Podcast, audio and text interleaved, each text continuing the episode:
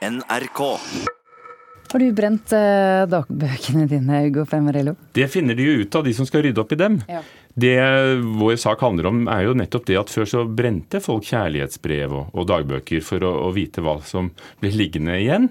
Eh, og nå så ligger det da apper og profiler og ja, kanskje til og med på, på sjekkeapper. Eh, hva gjør vi med dem? Det er en av sakene i Kulturnytt i dag. Men vi begynner jo selvfølgelig med statsbudsjettet og forventningene til det. For Trine Skei Grande har vært kulturminister i knapt et år, et bitte lite år. Mange venter i spenning. Venstre har tidligere vært et parti som fra Stortinget har påvirket nettopp denne regjeringens budsjett eh, og, og lagt på i kulturbudsjettet. Eh, og nå, i posisjon, har vi fått vite, vi erfarer, at de har plusset på 640 millioner kroner på kulturbudsjettet. Agnes Moxnes, kulturkommentator i NRK, hvilke forventninger er det til Trine Skei Grande? Ja, Forventningene til Trine Skei Grande de er faktisk ganske høye. Eh, særlig fra kulturlivet. Kulturlivet har stor tillit til uh, Trine Skei Grande. Hun uh, oppleves som en politiker som kan uh, kultur, som er ambisiøs, og som helt opplagt har tenkt å sette et, gjøre en forskjell i, i norsk kulturpolitikk. Jeg er litt usikker på om vi kommer til å se det i dette budsjettet her, for hun har jo, som du sier, ikke sittet så lenge som kulturminister ennå, men hun har nok et, et brennende ønske om at denne regjeringen ikke skal skal felles, og at hun skal være kulturminister også om et eh, år. Og alle er fornøyd, sa Siv Jensen i sted. Alle statsrådene er fornøyd med sine budsjetter. Hvordan har Venstre pleid å påvirke i det som er en, en kjernesak for dem? Ja, altså, nå har, kultur, eh, har, jo Venstre og Kristelig Folkeparti faktisk sittet og vært et, et, et, et tohodet troll, må man vel si, for den sittende regjeringen når det gjelder kulturpolitikk. De har løftet kulturfeltet år etter år etter år, eh, altså med den, den borgerlige regjeringen, både under kulturminister Vidvei og kulturminister Helleland. Eh, særlig når det gjelder eh, mediepolitikk, men også kunstnerpolitikken. Altså eh, hvor mye som skal gå, hvor mye kunstnerne skal ha i stipendier. Så der har, har Trine Skei Grande vært en pådriver. Og det er vel en av grunnene også til at kulturlivet har store forventninger til henne. Så må det jo også sies at Venstre som parti er jo et parti hvor kunst og kultur er et viktig område. Så for, også for henne henne som eh, partileder, så er det viktig at hun kommer sterkt ut av eh, sin posisjon, sin valgte posisjon i regjeringen som, som kulturminister. Men de har greie på kultur, og at eh, kulturlivet har forventninger. Betyr det at at hun er på parti med de eksisterende kulturinstitusjonene? Er det, noe, er det noen retning i denne kulturpolitikken? Altså, Det er jo ikke de store kontroversene når det gjelder kulturpolitikk i Norge. Eh, eh, Vidvei og Helleland fikk kritikk for at de liksom fokuserte veldig på næringsbiten i, i kulturpolitikken. Altså få mer private penger inn, og at kulturkunstnere skulle være i større grad uavhengige av de statlige statlige midlene. Eh, jeg tror ikke Trine Skei Grande i og for seg er uenig i det, men hun vil nok liksom fokusere annerledes. Er veldig opptatt av at, at kultur, kunst og kultur skal være noe for alle. Og vi ser jo på de lekkasjene som er kommet. Fortell, har, er, det, er det kommet litt? ja, så bare si sånn Overskriften på det er jo først og fremst at hun har reist landet rundt og delt ut penger, særlig til, til museer. Eh, og, og, og, også til operasatsingen i både Nordfjord og i, i, i, i Kristiansund. Sånn at, eh, så, eh, og det er, kan jo også være en hilsen til Museums-Norge, som er blant dem som har hatt store forventninger til henne. Så kan du jo si det at da går det mye penger til igjen til hus og bygg, og mindre kanskje til, til kunstnerne. Da. Det er jo ventet på Altså I dag kommer forslaget til kulturbudsjett sammen med statsbudsjettet, men så har de jo ventet en kulturmelding. Vil det bringe noe helt annet på banen?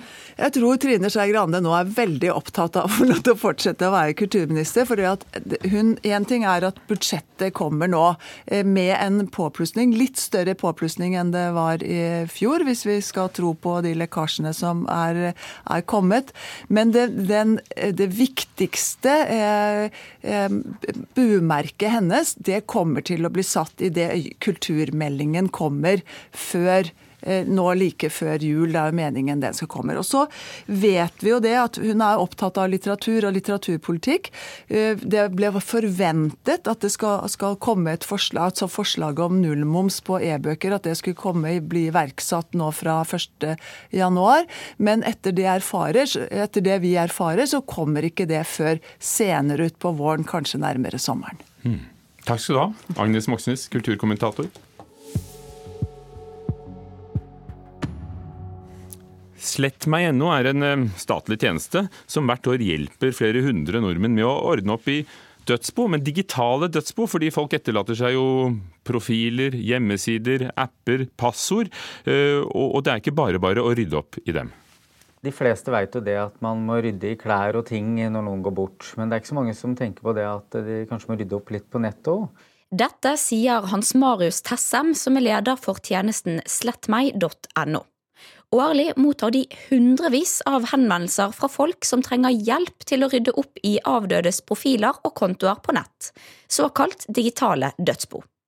Dette er et problem, mener Tessem. Problemet kan jo være at det kan være vanskelig å, få vekk ting. Og så kan det jo være ubehag om at man blir påminnet på bursdager og den type ting når vedkommende er gått bort.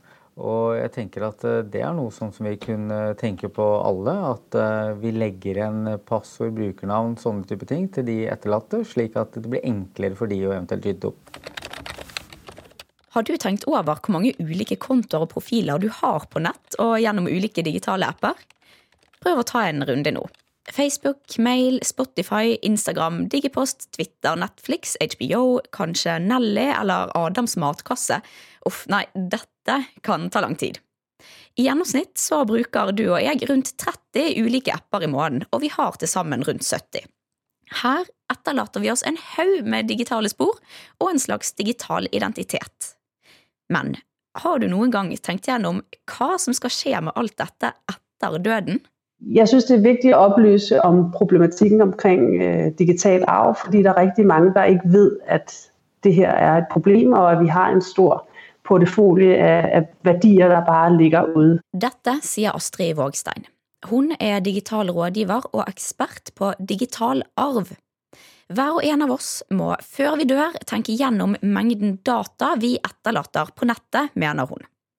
Noe av dette er kanskje veldig privat, så før det er for seint, må vi finne ut av hva som skal arves, hvem som skal arve dette, og ikke minst bestemme hva som kanskje bør forbli uåpnet eller slettet. Det er viktig at individet selv tar stilling, øh, fordi du immer vekk best selv vet hva det er at du gjerne vil gi videre og dele, og hva det er du helst ikke vil dele. Fordi det er jo også riktig mange av våre data som er veldig sensitive. Tessam i Slettmeg sier at flere blir bevisste rundt digital arv. Men han mener det gjenstår en diskusjon som er viktig å ta med seg sjøl. Det er jo hva er det vi ønsker å fjerne. Eh, jeg tenker med meg selv at jeg har jo en del informasjon på nettet eh, i saker som jeg har ment noe. Og det er ikke sikkert at jeg ønsker at alt det skal vekk.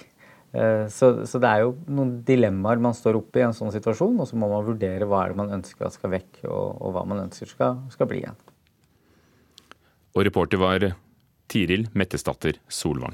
Jeg kan få håret ditt til å falle av dott for dott. Huden din til å råtne. Tennene dine til å dette ut så det vokser mark der i stedet. Riksteatret legger snart ut på turné med Georgs magiske medisin fra Mandal til Kirkenes. Dramatisert etter boken til Roald Dahl som kom i 1981. Det er Morten Joakim som både dramatiserer og regisserer. Eh, og det var han også som laget Dr. Proktors prompepulver, som var Riksteatrets store suksess for en eh, fem års tid siden. Dette er bestemors store aften. Du prøver å gå fra bestemora di. Du må ikke gå fra bestemora di. Jeg bare tulla. Du liker jo tull, Georg. Ja ja, det, det, det er gøy med tull. Ble du redd? Nei, redd og redd. Jeg bare ville ikke spise kål og snegle og mark og sånn. Det var egentlig bare det. det var jo bare tull. oh, ja Stakkars. Hvilken bestemor? Ulla Marie Broch som bestemor, Espen Mauno som Georg. Teaterkritiker her i NRK, Karen Frøsland Nystøyl. Er det en god og skummel historie? Ja, den er heldigvis både god og skummel. Forelegget til Roald Dahl er jo fantastisk. Og det som er så fint med Roald Dahl sitt prosjekt, er at han alltid er på barnas parti. Han løfter fram barnas rett til å være barn, og alt han skrev forsvarte barnets selvstendighet og barnets fantasi. Og en forestilling som denne er nødt til å ivareta det, og det syns jeg Morten Joakim som regissør gjør. Og det er nesten det viktigste for meg eh, når man skal sette opp en forestilling. For det er så mye gøy med Roald Dahl, så det blir gøy uansett, og spennende. Men at man klarer å sette barnet i sentrum, det er utrolig viktig, spør du meg. Det er jo sånn med Roald Dahl at vi husker ofte titlene, som 'Georgs magiske medisin'. Men hva handler den om? Den handler om Georg. Han er en åtte år gammel gutt som bor på en bondegård med foreldre og denne bestemora. da. Og Bestemor hun er ikke så grei. Hun ønsker å kontrollere han, hun undertrykker han, hun vil ha Hun snakker dårlig til han sånn jevnt over. Og barnet, Georg, som mange andre barn, er veldig lojale overfor de voksne. Til slutt så skjønner han at dette er ikke greit, han får nok. Og så er det dette at bestemor er avhengig av en medisin, hun er jo litt gammel. Så han kokkelerer sin egen medisin med det han finner i huset og på gården. Og da begynner saker og ting å skje, og han løser da problemet sitt etter hvert. Det spesielle med Riksteatret er jo at i motsetning til andre teatre, så, så, skal de pakke sammen alt og kunne reise fra sted til sted, kulturhus til samfunnshus og, og spille. Så hvordan ser det ut på scenen? Hvis du tenker deg at du er oppe i et fly, og så ser du ned over et jordbrukslandskap, så ser du nesten et lappeteppe sant, av forskjellige åkre med forskjellige farger. Sånn dette lappeteppet det er inni huset til Georg. Og alle disse lappene som er langs veggene, det er luker som Georg kan åpne. Og når han åpner de, så fins det fantastiske instrumenter og ingredienser som han kan lage medisin av. Det er veldig, veldig fint gjort. Eh, I tillegg så er dette en musikal, eller en musikkteater. Så det står et band på scenen som da er, spiller Dyr på gården eh, underveis. Og det er Gunnar Eiriksson som er musikalsk ansvarlig, sammen med hovedrolleinnehaver Espen Mauno. De har laga en rockemusikal, nesten, altså med sanger i ulike sjangre som fungerer veldig godt. Det er godt integrert. Det eneste jeg har å utsette på det, er de eh, ensemblenumrene der alle synger, der toneleiet er lagt for lavt. Altså der det ligger for lavt for de som synger. Da mister forestillinga energi med et knips, når, når ikke de får, eh, sangerne får trøkt ut eh, fordi det ligger for lavt. Og det, det, merkes spesielt i starten. Det kunne de ha gjort noe med. Men det kan de jo nå, hvis de hører på, for de skal jo få land og strand rundt. Hvordan er rollene? Vi hørte jo bestemor og, og Georg her i starten. Ja, dette er bestemors store aften. Ulla Marie Broch gjør en helt vidunderlig fæl bestemor, som takler alt som skjer med henne. Hun, blir jo, ja, hun vokser jo og blir kjempe kjempestor. Og det er så, det er så mange fine virkemidler òg som Morten Joakim har tatt inn i denne bestemorfiguren. Eh, så balanseres hun godt mot Georg, som jo er den viktigste rollen, spilt av Espen Mauno. En åtteåring må spilles med troverdighet og styrke for å ta vare på nettopp det viktigste hos Roald Dahl, barnet i sentrum. Og det klarer Mauno å balansere fint. Han klarer å vise hvor sammensatt karakteren Georg er, og det er nettopp dette som gjør det til en veldig god forestilling. Georgs magiske medisin Premiere i Sandnessjøen, Riksteatret. Takk skal du ha. Karin Frøsland Nystøyl her i Nyhetsmorgen i NRK.